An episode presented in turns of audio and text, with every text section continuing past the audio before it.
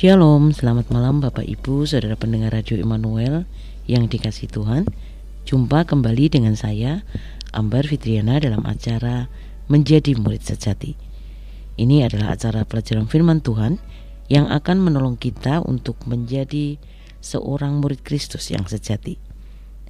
Acara ini dipersembahkan oleh Perkanta Solo di Radio Immanuel 94.3 FM setiap Senin malam pukul 20 sampai dengan 21 waktu Indonesia bagian Barat. Dan malam hari ini dengan tema Let Me Be What Jesus Want. Dan hari ini Senin tanggal 19 Desember tahun 2022 telah hadir uh, di studio narasumber kita yaitu Bapak Bapak Irman Suito. Uh, biasanya saya memanggil beliau dengan sebutan Mas Hirman ya. Amin. Ya, para pendengar, hari ini kita bersama-sama akan belajar dengan satu tema. Nampaknya memang kalau kita lihat uh, ini temanya bukan yang tema Natal sekali. Mm-hmm. -huh. Let me be what Jesus want. Tapi okay. kalau kita melihat ini kalender gerejawi ya, uh -huh. Mbak mm-hmm. Ambar dan yeah. para pendengar, eh, masa-masa ini kita bisa mengenal kita sebut dengan masa Advent ya. Yeah masa Advent. Ini kalau ditilik dari bahasanya ya, mm-hmm. ini dari bahasa Latin yeah. yang Adventus yang artinya adalah kedatangan. Nah, jadi poinnya adalah kedatangan. Nah, tentu kedatangan ini dimaknai sebagai kedatangan Tuhan Yesus. Nah, sekarang uh, saat ini karena Yesus sudah hadir untuk kali yang pertama, uh, tentu saja uh, masa Advent yang kita peringati di kalender gerejawi ini ini merupakan masa penantian kedatangan Tuhan Yesus yang kedua.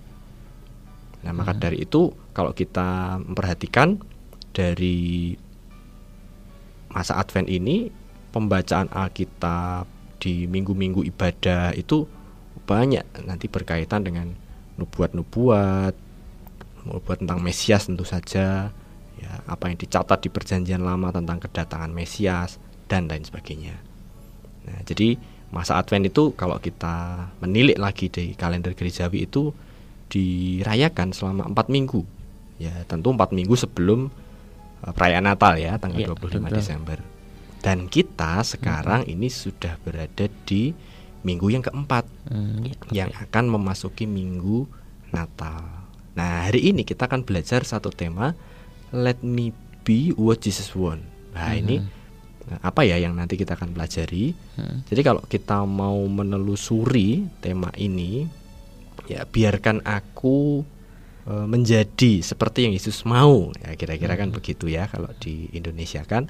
Ya. Nah, kita akan bersama belajar e, dimulai nanti kita akan melihat apa yang dicatat di Alkitab sejak masa-masa di perjanjian lama atau kita mengenal itu dengan nubuatan tentang kedatangan Tuhan Yesus.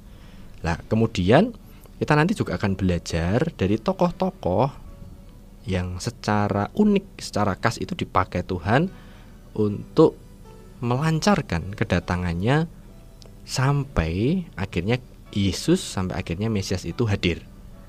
Nah, dan selanjutnya nanti kita akan tentu saja akan belajar dong apa yang kita bisa lakukan atau peran apa yang kita bisa lakukan di masa kini ya, supaya peran yang kita ambil itu sesuai dengan apa yang Yesus inginkan sesuai dengan rancangan besar Allah. Nah kira-kira hmm, gambaran iya. besarnya seperti iya. itu Mbak Ambar okay. dan para pendengar.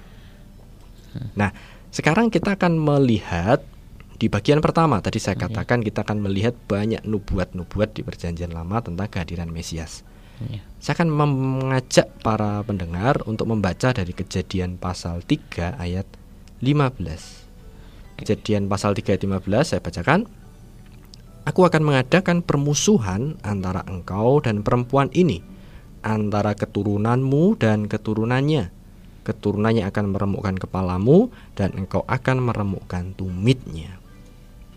Nah, sejak kejatuhan manusia ke dalam dosa, maka Allah itu sudah mengurus untuk penyelesaian masalah itu, masalah dosa ini, masalah kejatuhan ini.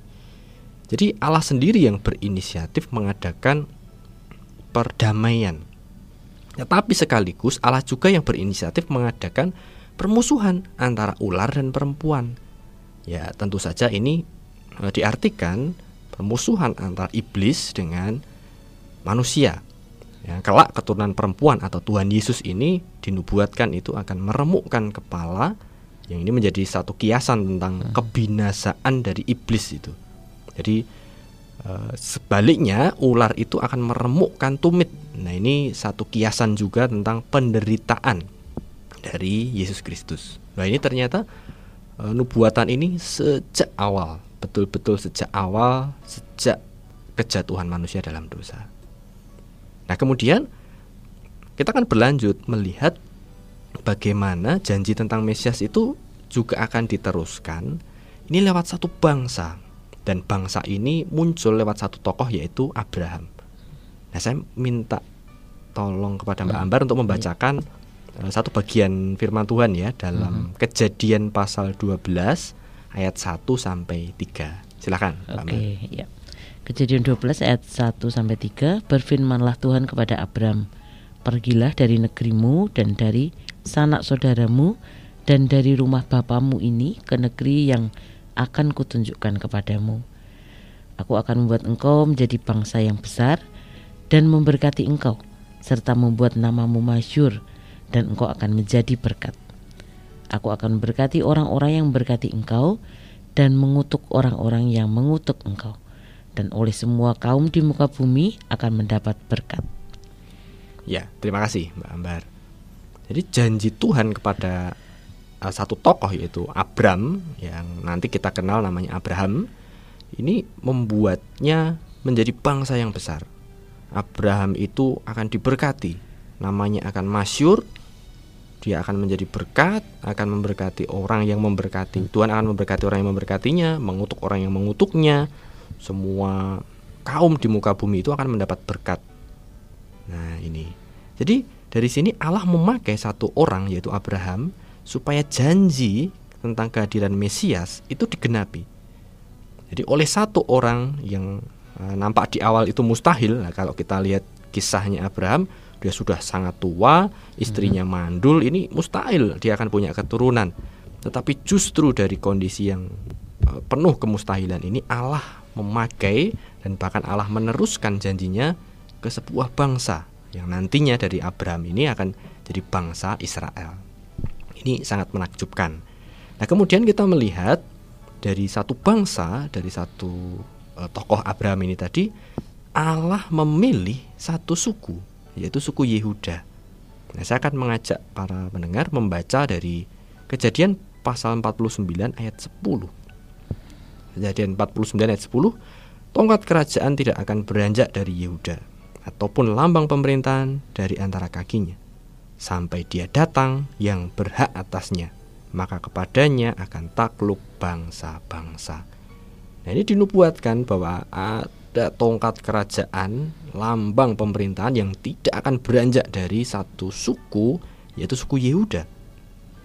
Bahkan bangsa-bangsa itu akan takluk kepadanya keturunan dari suku Yehuda inilah yang akhirnya digenapi dalam kedatangan Yesus Kristus sendiri. Nah, dari satu bangsa Tuhan memilih satu suku yaitu Yehuda. Nah, menariknya lagi Allah memilih satu keluarga. Nah, keluarga siapa? Kita lihat uh, saya ajak kita uh, membaca 2 Samuel 7 ayat 16. 2 Samuel 7 ayat 16 Keluarga dan kerajaanmu akan kokoh untuk selama-lamanya di hadapanku. Tahtamu akan kokoh untuk selama-lamanya. Nah, ayat ini menunjukkan kepada kita sebuah nubuat bahwa satu keluarga, satu kerajaan yang memegang tahta yaitu tahta Daud. Nah, ini keluarga Daud berarti ini akan kokoh untuk selama-lamanya. Jadi Eh, kita tahu bahwa sistem kerajaan itu berdasarkan keturunan. Nah, padahal harapan itu seolah-olah sirna saat pembuangan ke Babel. Ya, sejak zaman Salomo, keadaan ini nampak kurang ideal. E, nampak ini kayaknya janji ini nggak tergenapi. Tapi sebenarnya nyata bahwa e, janji itu nampak nampaknya kalau kita lihat agak meredup karena dosa manusia, ketidaktaatan Salomo, ketidaktaatan bangsa Israel akhirnya terpecah. Tetapi janji itu eh, tidak pernah padam, pasti digenapi dan satu-satunya yang memang menjadi satu kenyataan bahwa janji ini digenapi lewat pribadi Tuhan Yesus. Tahta Daud ini kokoh selama-lamanya. Nah, yang mengagumkan di dalam perjanjian lama itu ada satu nubuat yang sangat detail mengenai Mesias. Nah, saya minta tolong Mbak Ambar lagi untuk membacakan ya dari Mika pasal 5 ayat 1. Ya. Mika pasal 5 ayat 1, tetapi engkau hai Bethlehem Efrata Hai yang terkecil di antara kaum-kaum Yehuda, daripadamu akan bangkit bagiku seorang yang akan memerintah Israel, yang permulaannya sudah sejak purbakala, sejak dahulu kala. Ya, terima kasih. Jadi bahkan nama kotanya pun itu dicatat. Disebutkan. Iya, betul disebutkan. Sebuah kota kecil Bethlehem itu memang dinubuatkan akan bangkit di situ seseorang yang akan memerintah Israel. Dan ini unik juga, Mbak Ambar dan para pendengar ya. Ini ada pengaturan Tuhan yang sangat hebat, pengaturan Tuhan yang sangat rumit uh, oleh ya melibatkan penguasa dunia waktu itu. Ya. Uh, sehingga Mesias itu akhirnya lahir di Bethlehem Kemudian Herodes yang waktu itu menjadi raja wilayah, waktu itu pun e, membuat e, satu apa namanya satu sensus yang tidak lazim, yang itu mendaftarkan para penduduk itu di kampung leluhurnya, bukan di tempat tinggalnya. Kalau sekarang kita e, apa namanya ada satu sensus atau pilihan pemilihan umum gitu ya di tempat tinggalnya di hmm. domisilinya begitu. Hmm. Nah, ini hmm. ya sensus yang mendaftarkannya itu di kampung leluhurnya. Nah, dengan pengaturan yang sangat uh, sedemikian spesial ini, sedemikian unik ini, nubuat atas Mesias itu tergenapi. Wah, ini menakjubkan sekali. Tapi kemudian juga Musa itu melukiskan dan menubuatkan tentang kedatangan seorang nabi di dalam Ulangan pasal 1 dan juga Ulangan pasal 8. Nah, di situ Musa berbicara sesuai yang diperintahkan Tuhan kepadanya. Yang di situ Tuhan menyatakan bahwa Tuhan akan membangkitkan seorang nabi di tengah-tengah Israel dari antara saudara mereka. Ya, Israel harus mendengarkan nabi itu. Dan Tuhan menaruh firman dalam mulut nabi itu dan nabi itu akan mengatakan apa yang diperintahkan Tuhan. Nah, orang yang tidak mendengarkan nabi itu akan dituntut pertanggungjawaban Nabi itu disebutkan Musa. Apanya? Nah, sekarang kita lihat. Mari kita telusuri persamaan kedatangan Mesias dengan kedatangan e, Musa. Masa kelahiran mereka ya kita lihat mereka sama-sama di di dalam penjajahan. penjajahan ya. Kemudian waktu Tuhan Yesus dipermuliakan di atas bukit, nah, Musa juga muncul di sana. Hal ini sebenarnya sedang mengonfirmasi ya apa yang sudah dijanjikan Allah dahulu tergenapi saat itu. Jadi kedatangan Mesias di dalam sejarah manusia itu ini bukan satu kejadian yang mendadak. Jadi bukan yang tiba-tiba atau Allah tidak pernah merancangkan ini gitu, tidak. Tapi kedatangan Mesias ini adalah satu puncak pernyataan-pernyataan nubuat yang dimulai oleh suara Allah sendiri yang menubuatkan kedatangan Mesias ini ya sejak sejarah permulaan manusia. Tadi kita lihat di kejadian pasal 3 15 itu. Jadi, kedatangan Yesus Kristus, kedatangan Mesias ya, dalam wujud seorang manusia ini satu kejadian yang telah direncanakan sebelum penciptaan dunia bahkan. Bahkan ini eh, Rasul Petrus itu juga mencatat di kitab 1 Petrus 1 ayat 20 dikatakan demikian ia telah dipilih sebelum dunia dijadikan. Tetapi karena kamu baru menyatakan dirinya pada zaman akhir nah ini jadi sejak manusia jatuh dalam dosa manusia itu memerlukan hubungan yang itu dasarnya hanya kemurahan Allah sendiri, kasih karunia Allah sendiri. Nah, demikian pula Allah mengatur keadaan manusia untuk menyiapkan kedatangan Mesias ini. Nah, ini Mbak Ambar dan juga para pendengar, bagian pertama yang tadi uh, saya sebutkan di awal bahwa kedatangan Mesias itu diawali dengan sebuah janji nubuat dari Allah sendiri. Yang bahkan uh, setelah kejatuhan manusia dalam dosa itu sudah dijanjikan. Dan sampai akhirnya digenapilah itu kalau mau kita hitung dengan hitung-hitungan waktu ya, bisa sekitar empat ribuan tahun setelahnya. Nah, ini sungguh sesuatu yang bisa kita bilang ini sejarah agung sepanjang masa. Jadi tidak pernah ada seorang tokoh kecuali Mesias, kecuali Yesus Kristus ini yang lahir dengan kisah yang sehebat ini. Ya, tidak ada tidak ada waktu yang bisa membatasi, tidak ada kejatuhan manusia yang membatasi, membatalkan ini. Nah, sekarang kita akan melihat bagian yang kedua. Saya akan mengangkat beberapa tokoh yang secara unik. Ini kalau kita melihat dari silsilah yang dituliskan oleh Matius, ya, ya ini mhm.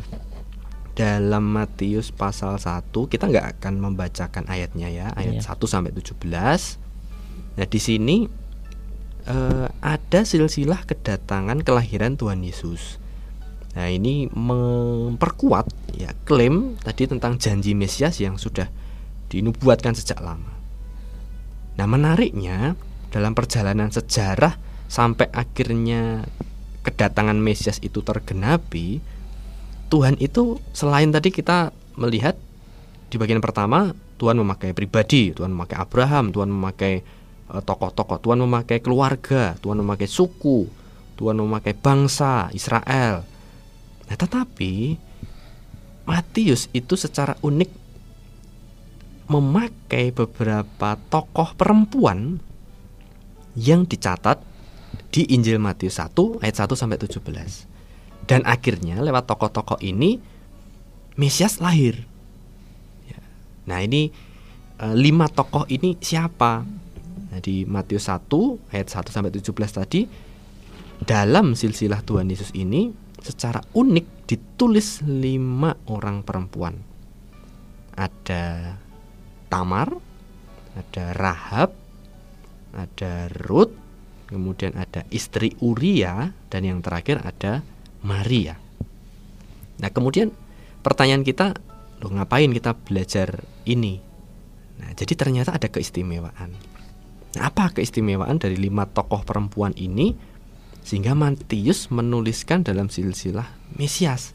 Nah, mari kita akan selidiki satu persatu ya. Tokoh pertama yaitu Tamar. Nah, Bapak Ibu Saudara eh, pendengar, bisa membaca kisah tentang Tamar ini di kitab Kejadian. Kejadian pasal 38 ayat 1 sampai 30. Ini adalah perempuan e, menantunya Yehuda. Ya, Yehuda itu anaknya Yakub ya, anaknya Israel, salah satu dari anak Israel dan tadi kita tahu suku Yehuda inilah yang dipakai Tuhan akhirnya untuk melancarkan jadi kelahiran Mesias itu dari suku Yehuda ini. Nah, tetapi ternyata ada satu kisah unik. Ini Tamar ini menantunya Yehuda. Nah, secara eh, dalam pengaturan Tuhan, kedua suami Tamar itu mati. Jadi dia pernah punya suami yang pertama itu eh, anak pertama Yehuda, kemudian mati, lalu kemudian dalam uh, adat di sana akhirnya dia menjadi istri dari adiknya, tapi kemudian mati mati lalu nggak nggak menghasilkan keturunan dari anak-anaknya Yehuda ini. Dan Tamar melakukan sesuatu yang yang nampak kalau kita lihat secara moral wah kok tidak baik. Jadi. Tamar itu menyamar jadi seperti seorang perempuan sundal hmm. untuk menipu ayah mertuanya Yehuda. Dan akhirnya dari eh, hasil hubungan gelap ini melahirkan seorang anak dari ayah mertuanya ini. Nah ini sekilas nampak wah kok betapa hina leluhurnya Mesias ini kok berasal dari seseorang yang menipu mertuanya, bersundal untuk meneruskan keturunan. Ya. Jadi kalau ya kita meneliti hal ini, tindakan menyamar menjadi perempuan sundal itu tentu tidak tetap tidak dibenarkan ya, tetap tidak dibenarkan. Tetapi di balik itu semua, Tuhan melihat bagaimana iman dari Tamar ini terkait dengan bagaimana pentingnya meneruskan keturunan dari Yehuda ini. Jadi tindakannya yang e, seakan-akan ya kita tahu tadi kita tidak bisa menolak bahwa ini satu tindakan yang tidak tepat itu tadi berlandaskan pada e, keyakinannya e, pada haknya untuk meneruskan keturunan dari suaminya dan keturunan yang terputus pada waktu itu menjadi sebuah aib bagi budaya yang ada saat itu. Ini tokoh yang pertama. Hmm. Tanpa ada Tamar ini, ya Mesias tidak tidak jadi lahir ya, hmm. karena justru dari suku inilah Tuhan memakai suku Yehuda. Ya, kemudian tokoh yang kedua yaitu Rahab. Nah ini para pendengar bisa membaca dari kitab Yusua pasal 2 ayat 1 sampai 24. Nah, tokoh Rahab ini dia bukan dari orang Israel, ya dia dari perempuan Yeriko dan lagi-lagi ini bahkan profesinya pun ya kalau kita kenal ini tidak baik ya, perempuan Sunda dari Yeriko. Tetapi Rahab ini menyelamatkan dua orang pengintai Israel. Jadi walaupun dia seorang perempuan yang berdosa, seorang dari luar Israel, tapi dia mendengar siapa Allah Israel dia menaruh percaya kepada Allah Israel itu. Lalu Rahab ini mengambil tindakan iman yang yang itu sangat berisiko. Dan Tuhan menghargai iman seperti Rahab ini. Dan perempuan itu diselamatkan saat Yeriko di, diruntuhkan. Bahkan menariknya, penulis Ibrani, penulis kitab Ibrani itu mencantumkan nama Rahab ini dalam daftar teladan iman. Ini dalam Ibrani pasal 11 ayat 31. Jadi Rahab ini adalah is, bahkan e, kita tahu Rahab ini adalah istri Salmon. Rahab itu ibu dari Boas dan Boas itu nenek moyangnya Daud. Nah, lagi-lagi kita melihat e, seperti bagian pertama tadi, keluarga Daud itu juga dipakai Tuhan. Eh ternyata nenek moyangnya ini salah satunya dari Rahab ini. Oke, ini tokoh kedua. Tokoh yang ketiga itu Ruth. Dia seorang perempuan Moab. Ini juga bukan dari Israel. Kita bisa baca di kitab Rut pasal 1 ayat 1 sampai 23. Dia pun dimasukkan Matius dalam sisilah Mesias eh, karena pasti ada mutu karakter yang dihargai oleh Tuhan. Nah, apa karakter yang dihargai oleh Tuhan lewat Rut ini? Jadi Rut ini tidak mementingkan dirinya sendiri. Di saat suaminya mati, dia putuskan untuk tetap mengikuti ibu mertuanya yaitu Naomi. Bahkan di dalam kekurangan, Bahkan ia memutuskan untuk ikut menyembah Allah Israel yang disembah oleh Naomi. Padahal ia semestinya ya bisa mencari kesenangan dengan ya menikah lagi dengan pria-pria muda yang ada di Moab. Dia pun juga masih muda. Namun ia dengan ketaatan mencari penebus dari orang Israel untuk meneruskan keturunan. Dia setia melakukan hal yang sangat sangat uh, ya sederhana, ya memungut jelai di ladangnya Boas dan sampai akhirnya dia menikah dengan Buas ini dan melahirkan Obed dan Obed ini nenek moyang Daud. Nah, ini. Ini menarik. Ternyata ini tokoh ketiga ini Ruth. Kemudian kita lihat tokoh keempat yaitu istri Uria. Ya, Matius mencatat namanya istri Uria. Kalau kita melihat kisahnya di kitab satu raja-raja saat uh, kitab satu raja-raja itu namanya Betseba ya. Nah, Daud itu bersinah dengan Bathsheba. Wah, ini juga nampak negatif ya. Hmm. Tapi istri Uria ini di di masa akhir hidupnya Daud walaupun kita tahu tindakan persinahan Daud dengan Bathsheba itu tidak tetap tidak berkenan di hadapan Tuhan ya. Namun Tuhan menghargai di masa-masa akhir hidupnya Daud Bathsheba ini menyatakan usaha untuk meneruskan keturunannya yaitu Salomo anaknya itu untuk menjadi penerus dari pewaris tahta Daud. Nah, ini bagian dari iman dari uh, Batseba istri Uria ini. Oke, dan tokoh yang terakhir kita mengenal. Ini saya yakin kita semua sangat familiar dan minggu kemarin pun juga di siaran kita juga dibahas yaitu tentang yaitu Maria. Nah, perempuan terakhir ini dipakai Tuhan untuk menjadi ibu jasmani dari Tuhan Yesus ya. ya. Dia perempuan yang memiliki hati yang sederhana untuk taat kepada Tuhan. Bahkan di dalam kondisi ya dia sudah bertunangan dengan Yusuf. Ya, dia harus menghadapi keadaan yang sulit, dia sudah mengandung dari Roh Kudus dan ini satu kisah yang tidak pernah terulang dan belum pernah ada sebelumnya. Dan mana ada orang yang mempercayai ini hamil dari Roh Kudus. Tetapi dia sederhana, dia mentaati hal itu. Walaupun ancaman itu ada, mungkin kalau sampai eh, orang mengerti hal itu, dia bisa dilempari dengan batu. Belum bersuami sudah mengandung, tetapi dengan sederhana dia mentaati apa yang Tuhan kehendaki kepadanya. Nah, para pendengar, dari tokoh-tokoh di atas kita bisa belajar bahwa ya tidak ada seorang pun yang sempurna tetapi Tuhan menghargai iman dan perjuangan perempuan-perempuan itu dalam menggenapi janji Tuhan. Jadi tokoh-tokoh tadi mereka saya memberi nama ya mereka memutuskan untuk let me be what Jesus want. Ya.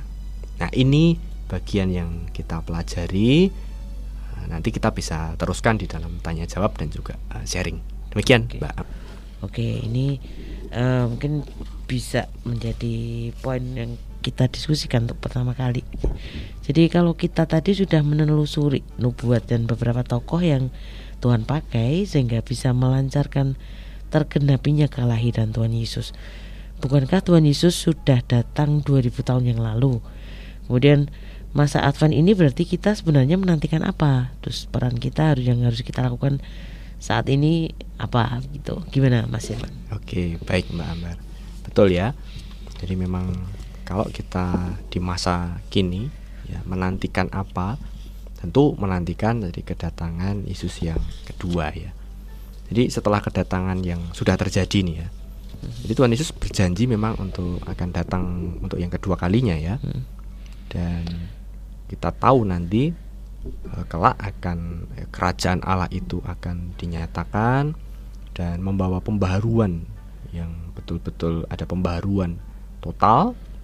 Nah, hanya saja memang yang menjadi perso bukan persoalan ya, tetapi yang menjadi satu kondisi yang kita sama-sama melihat dari apa yang bahkan Yesus katakan waktu kedatangannya yang kedua itu kedatangan anak manusia ini ternyata tidak diketahui oleh siapa pun dan tidak pernah diberitahukan kapan itu waktunya. Maka sebenarnya kalau kita me- melihat kembali tentang masa Advent ini yaitu masa menantikan kedatangan Tuhan Yesus yang kedua itu ini tanpa kita perlu mempersoalkan kapan waktunya, timingnya kapan, tapi yang menjadi bagian dari kita atau peran yang saat ini bisa kita lakukan itu satu pasti tentu menantikan kedatangan Tuhan Yesus ini, menantikan dengan sikap, menantikan dengan eh, kehidupan, ya tentu saja menantikan dengan sikap sebagai seorang hamba yang kedapatan sedang mengerjakan tugasnya, tidak sedang tidur, yang sedang berjaga. Kira-kira Yesus e, menyebutkan demikian juga. Nah, kemudian e, menanti itu kalau kita mau ya praktiskan apa sih yang yang kita bisa lakukan saat ini? Yang sesuai dengan tema kita juga sebenarnya let me be what Jesus want. Jadi yang yang perlu kita sadari di dalam masa penantian ini, ya masa penantian ini sebenarnya kalau kita mau praktiskan, ya itulah kehidupan keseharian kita. Ya para pendengar mungkin bekerja atau mungkin ada para pendengar yang masih belajar sebagai seorang pelajar atau sebagai seorang mahasiswa, ya lakukanlah seluruh keseharian ya tugas tanggung jawab sebagaimana mestinya jadilah pelajar yang belajar pekerja eh, yang eh, bekerja sebagaimana mestinya nah tentu saja eh, setiap aktivitas yang dijalani ini bukan sekedar rutinitas yang tanpa makna, tetapi justru ya keseharian itulah yang kita pakai untuk mengalami terus pertumbuhan di dalam Kristus. Kita terus mengalami pembaharuan, terutama pembaharuan batin kita, pembaharuan batin, dan itu tentu akan terwujud di dalam kehidupan kita ya, yang bagaimana kita terus menerus untuk belajar, bertumbuh di dalam Tuhan, belajar firman, bersekutu dengan saudara seiman. Ini. Dan akhirnya dalam perjalanan itu kita bisa ditolong untuk berpikir seperti pikirannya Kristus. Kita ditolong untuk bersikap seperti sikapnya Kristus. Kita berkata-kata seperti kata-katanya Kristus. Nah, ini. Jadi itulah pertumbuhan yang kita sendiri akan semakin serupa dengan Kristus inilah satu penantian yang ya kita jalani di dalam perjalanan hidup kita itu dengan pertumbuhan ini. Tapi kemudian eh, apa kaitannya? Misalkan tadi saya sempat menyebut ini mungkin para pendengar ada yang menjadi pelajar, mahasiswa atau para pendengar yang bekerja. Ya, apa peran yang bisa kita eh, lakukan? Nah, tentu saja di dalam menantikan kedatangan kedua dari Tuhan Yesus ini selain tadi bertumbuh, nah masing-masing kita pasti bisa mengambil peran yang khas bagi pekerjaan Tuhan sesuai dengan panggilan kita masing-masing. Siapa pun kita, para pendengar ini merupakan pelajar, mahasiswa, mungkin para pendengar adalah ASN, mungkin pegawai honorer, mungkin wirausaha, mungkin karyawan swasta, mungkin seorang guru, dosen, berada di pemerintahan, bahkan menjadi pembuat kebijakan di pemerintahan, atau para pendengar merupakan hamba Tuhan, pendeta, atau para pendengar e, berada di masa-masa lanjut usia menjadi uh, pensiunan misalkan. Apa pun dan siapa pun kita, kita pasti bisa mengambil peran yang khas bagi pekerjaan Tuhan. Apa maksud saya? Peran yang khas bagi pekerjaan Tuhan. Dan masing-masing kita bisa melayani Tuhan di dalam posisi kita saat ini. Seorang pemuda, remaja yang menjadi uh, pelajar, dia bisa sungguh-sungguh belajar di disiplin-disiplin ilmu yang dia pelajari supaya hidupnya bisa membuat dunia ini lebih baik dari ilmu pengetahuan yang dipelajari. Seorang karyawan swasta, dia yang punya etos kerja yang baik, dia bukan sekedar seorang karyawan yang hanya mengejar eh, pencapaian-pencapaian jabatan, gaji, bonus yang bertambah dan lain sebagainya, tetapi sungguh-sungguh mengerjakan sesuatu yang itu memberkati perusahaan di mana dia bekerja. Seorang guru yang sungguh-sungguh memikirkan bagaimana pembelajaran yang bisa membuat anak didiknya itu bisa memahami materi, bisa punya kontribusi yang baik dari setiap ilmu yang dibagikan. Nah, ini apa pun posisinya. Seorang lansia yang mungkin di dalam keterbatasan, kelemahan fisik, tetapi mengambil peran dia terus berdoa bagi bangsa ini, berdoa bagi anak cucunya, dan lain sebagainya. Masing-masing kita bisa mengambil peran bagi pekerjaan Tuhan. Ini saya rasa eh, juga sekaligus menjawab eh, pertanyaan kalau kita mau mempertanyakan tema kita hari ini. Ya kita bisa melakukan peran-peran itu. Nah kira-kira demikian Mbak Ambar. Oke. Uh, ya terima kasih jawabannya. Jadi dari itu tadi mungkin bisa Mas Irman sharingkan pengalaman Mas Irman tentang penyerahan hidup bagi Kristus. Oke. Ya, baik. Ini sharing hmm. pengalaman saya berarti hmm. Mbak Ambar ya. yeah. Oke, ya. Baik, uh, para pendengar tadi di awal saya sempat memperkenalkan diri. Ya, saya eh, lahir di, di Wonogiri, di Kabupaten Wonogiri. Kemudian saya ya dewasa di Wonogiri, bersekolah dari TK, SD, SMP, SMA juga di Wonogiri. Uh, sempat berkuliah di Solo. Nah, itu kira-kira uh, ya perjalanan hidup saya. Saya menjalani kehidupan seperti normalnya uh, orang-orang yang lain. Ya, saya lahir, sekolah, gitu. Tetapi uh, ada satu peristiwa yang mengubahkan ya, hidup saya itu terjadi di saat saya dimulai. Saya rasa ya Tuhan memulai itu sejak saya lahir ya. Tetapi uh, turning pointnya itu ada titik-titik yang itu mengubahkan hidup saya. Dimulai uh, titik yang pertama itu di saat saya SD sesuatu yang sangat-sangat mengejutkan dan mengagumkan bagi saya seorang anak SD waktu itu uh, saya melihat ada seorang pembina rohani dan ternyata itu juga dari Perkanta Solo yang, yang waktu itu main ke Wonogiri ya cukup jauh tetapi saya kagum dengan seorang kakak ini karena ini adalah kakak rohani dari uh, kakak kandung saya sendiri dia datang main ke Wonogiri. Itu sesuatu yang sangat menggetarkan hati saya. Wah, kok ada ya orang yang melayani adik rohaninya sedemikian itu. Dan saya punya cita-cita, wah saya juga pingin nih nanti ketika dewasa, saya juga pingin ikut ikut di mentori lah, ya ikut di dilatih, dibina nih dalam pembinaan rohani yang semacam itu. Karena waktu itu di Wonogiri belum ada. Nah kemudian yaitu berlanjut tetapi kemudian berlanjut hanya sekedar angan-angan impian begitu tetapi sampai akhirnya saya SMA Tuhan mempertemukan saya dengan seorang kakak rohani yang yang akhirnya memperkenalkan saya kepada Yesus Kristus. Saya memutuskan menerima Kristus sebagai Tuhan dan Juru Selamat saya pribadi. Dan itulah turning point yang utama dalam hidup saya. Saya menyerahkan hidup saya kepada Tuhan menerima Yesus sebagai Tuhan dan Juru Selamat.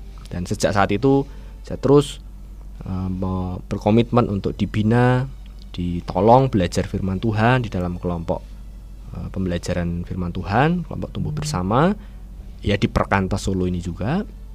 Oke dan singkat cerita, saya lulus SMA, saya punya beban, saya punya kerinduan untuk bisa melayani juga siswa-siswa di Wonogiri, seperti yang ketika kecil saya rindukan.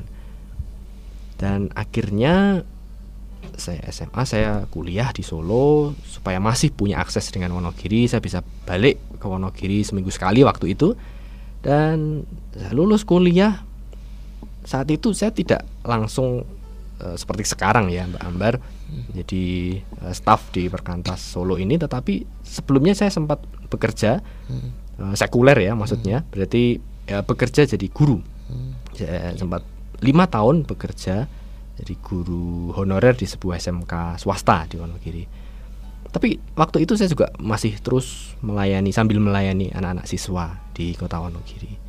Dan di dalam pergumulan saya waktu itu akhirnya saya memutuskan dengan bulat hati untuk resign dan mengambil keputusan jadi staff full timer di Perkantas Solo ini sampai saat ini dan melayani siswa di kota Wonogiri.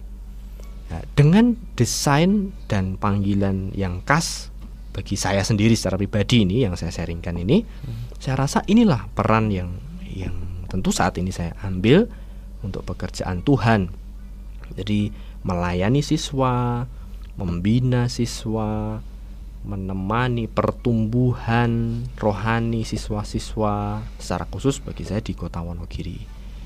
Dan itu itu peran atau itu panggilan yang memang saya tangkap dari Tuhan dan yang saya hidupi saat ini.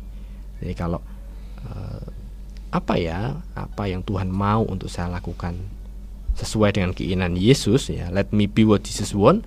Ya saya rasa ini peran ini yang saya ambil. Dan saya yakin tiap-tiap kita seperti yang saya katakan di awal tadi, siapa pun kita, apa pun posisi kita, tidak selalu harus yang uh, seperti misalkan hamba Tuhan, menjadi staff full timer, menjadi pendeta atau apa pun tanpa saya rasa ini pemikiran saya pribadi ya, tidak ada yang e, jauh lebih terhormat atau kurang terhormat di dalam pekerjaan Tuhan di dunia ini. Entah itu seorang hamba Tuhan ataupun ini saya sebut seorang guru, seorang ASN, seorang pengusaha, semuanya itu posisinya setara di hadapan Tuhan dan masing-masing itu pasti punya peran yang sangat khas bagi kerajaan Allah. Jadi dari apa yang saya sharingkan, saya mengajak kita semua tentu saja e, melihat secara khas apa sebenarnya potensi atau sebenarnya apa posisi yang saat ini Tuhan tempatkan saya menjadi apa pun saya, siapa pun saya, mari kita terus mengambil bagian peran bagi kerajaan Allah. Mungkin sesimpel bagaimana ini malam hari ini Mbak Ambar melayani kita semua para pendengar menjadi host. Ini bagian dari peran yang diambil juga dalam dalam satu apa ya pengajaran firman yang kita sama-sama bisa bagikan kepada para pendengar. Ini satu peran yang yang yang sehari-hari juga belum lagi pasti saya yakin eh, masing-masing kita termasuk saya yakin juga Mbak Ambar pun menangkap satu panggilan yang yang sangat khas yang Tuhan mau Mbak Ambar maupun juga para pendengar itu lakukan peran tertentu yang diambil bagi kerajaan Allah. Entah itu dalam dunia kerja, entah itu di dalam dunia pendidikan, entah itu di gereja, entah itu di sebuah yayasan, entah itu di lingkungan masyarakat atau di mana pun. Nah, ya uh, saya rasa begitu, Mbak sharing saya tentang ya penyerahan hidup saya bagi Kristus dan juga apa yang menjadi juga dorongan lah ya bagi kita semua para pendengar. Begitu Mbak Bar. Oke, terima kasih Mas Irman untuk sharingnya juga pemaparan tadi ya uh, firman Tuhan dari pa, pada malam hari ini. Oke tak terasa uh, waktu yang ini yang kita lalui hampir satu jam ya. Uh, baik para pendengar setia menjadi murid sejati sebelum kita mengakhiri acara ini kita akan mendengarkan kembali kesimpulan ya poin-poin yang kita pelajari pada malam hari ini. Nanti sekaligus akan diakhiri dengan doa. Silakan Mas Irman. Ya baik. Terima kasih Mbak Ambar. Eh, para pendengar di masa kita akan memperingati hari Natal ini kita hari ini belajar bahwa kedatangan Tuhan Yesus itu di dalam sejarah manusia bukanlah satu kejadian yang mendadak. Kedatangan Yesus itu adalah satu puncak pernyataan nubuat yang itu dinyatakan oleh Allah sendiri mengenai kedatangan juru selamat, kedatangan Mesias. Bahkan itu sejak permulaan sejarah manusia. Permulaan manusia mengalami persoalan terbesarnya yaitu dosa. Sejak saat itu janji itu dinyatakan. Dan semua manusia di segala zaman memerlukan kemurahan Allah, memerlukan kasih karunia Allah dan itu satu-satunya bisa dijawab hanya lewat kehadiran Mesias. Yang menarik kita tadi belajar bahwa Allah itu mengatur sedemikian rupa. Allah memakai setiap tokoh, setiap keadaan manusia untuk menyiapkan kedatangan Mesias. Dan dalam perjalanan sejarah tadi tergenapinya kedatangan Yesus Kristus itu Tuhan memakai ada pribadi-pribadi, ada keluarga, ada suku, ada bangsa. Dan sampai akhirnya kita melihat juga ada sisi-sisi unik bahkan dari tokoh-tokoh yang mungkin secara dunia orang memandang mereka sebagai orang-orang yang melakukan tindakan-tindakan yang negatif. Mereka bukan dari bangsa-bangsa yang dipilih oleh Tuhan, tetapi Tuhan memakai perempuan-perempuan tadi, memakai pribadi-pribadi itu dengan unik, masing-masing punya peran yang khas hingga akhirnya melalui mereka lahirlah Mesias. Dan dari situ kalau kita bawa kepada kehidupan kita di masa kini, tidak ada seorang pun yang sempurna.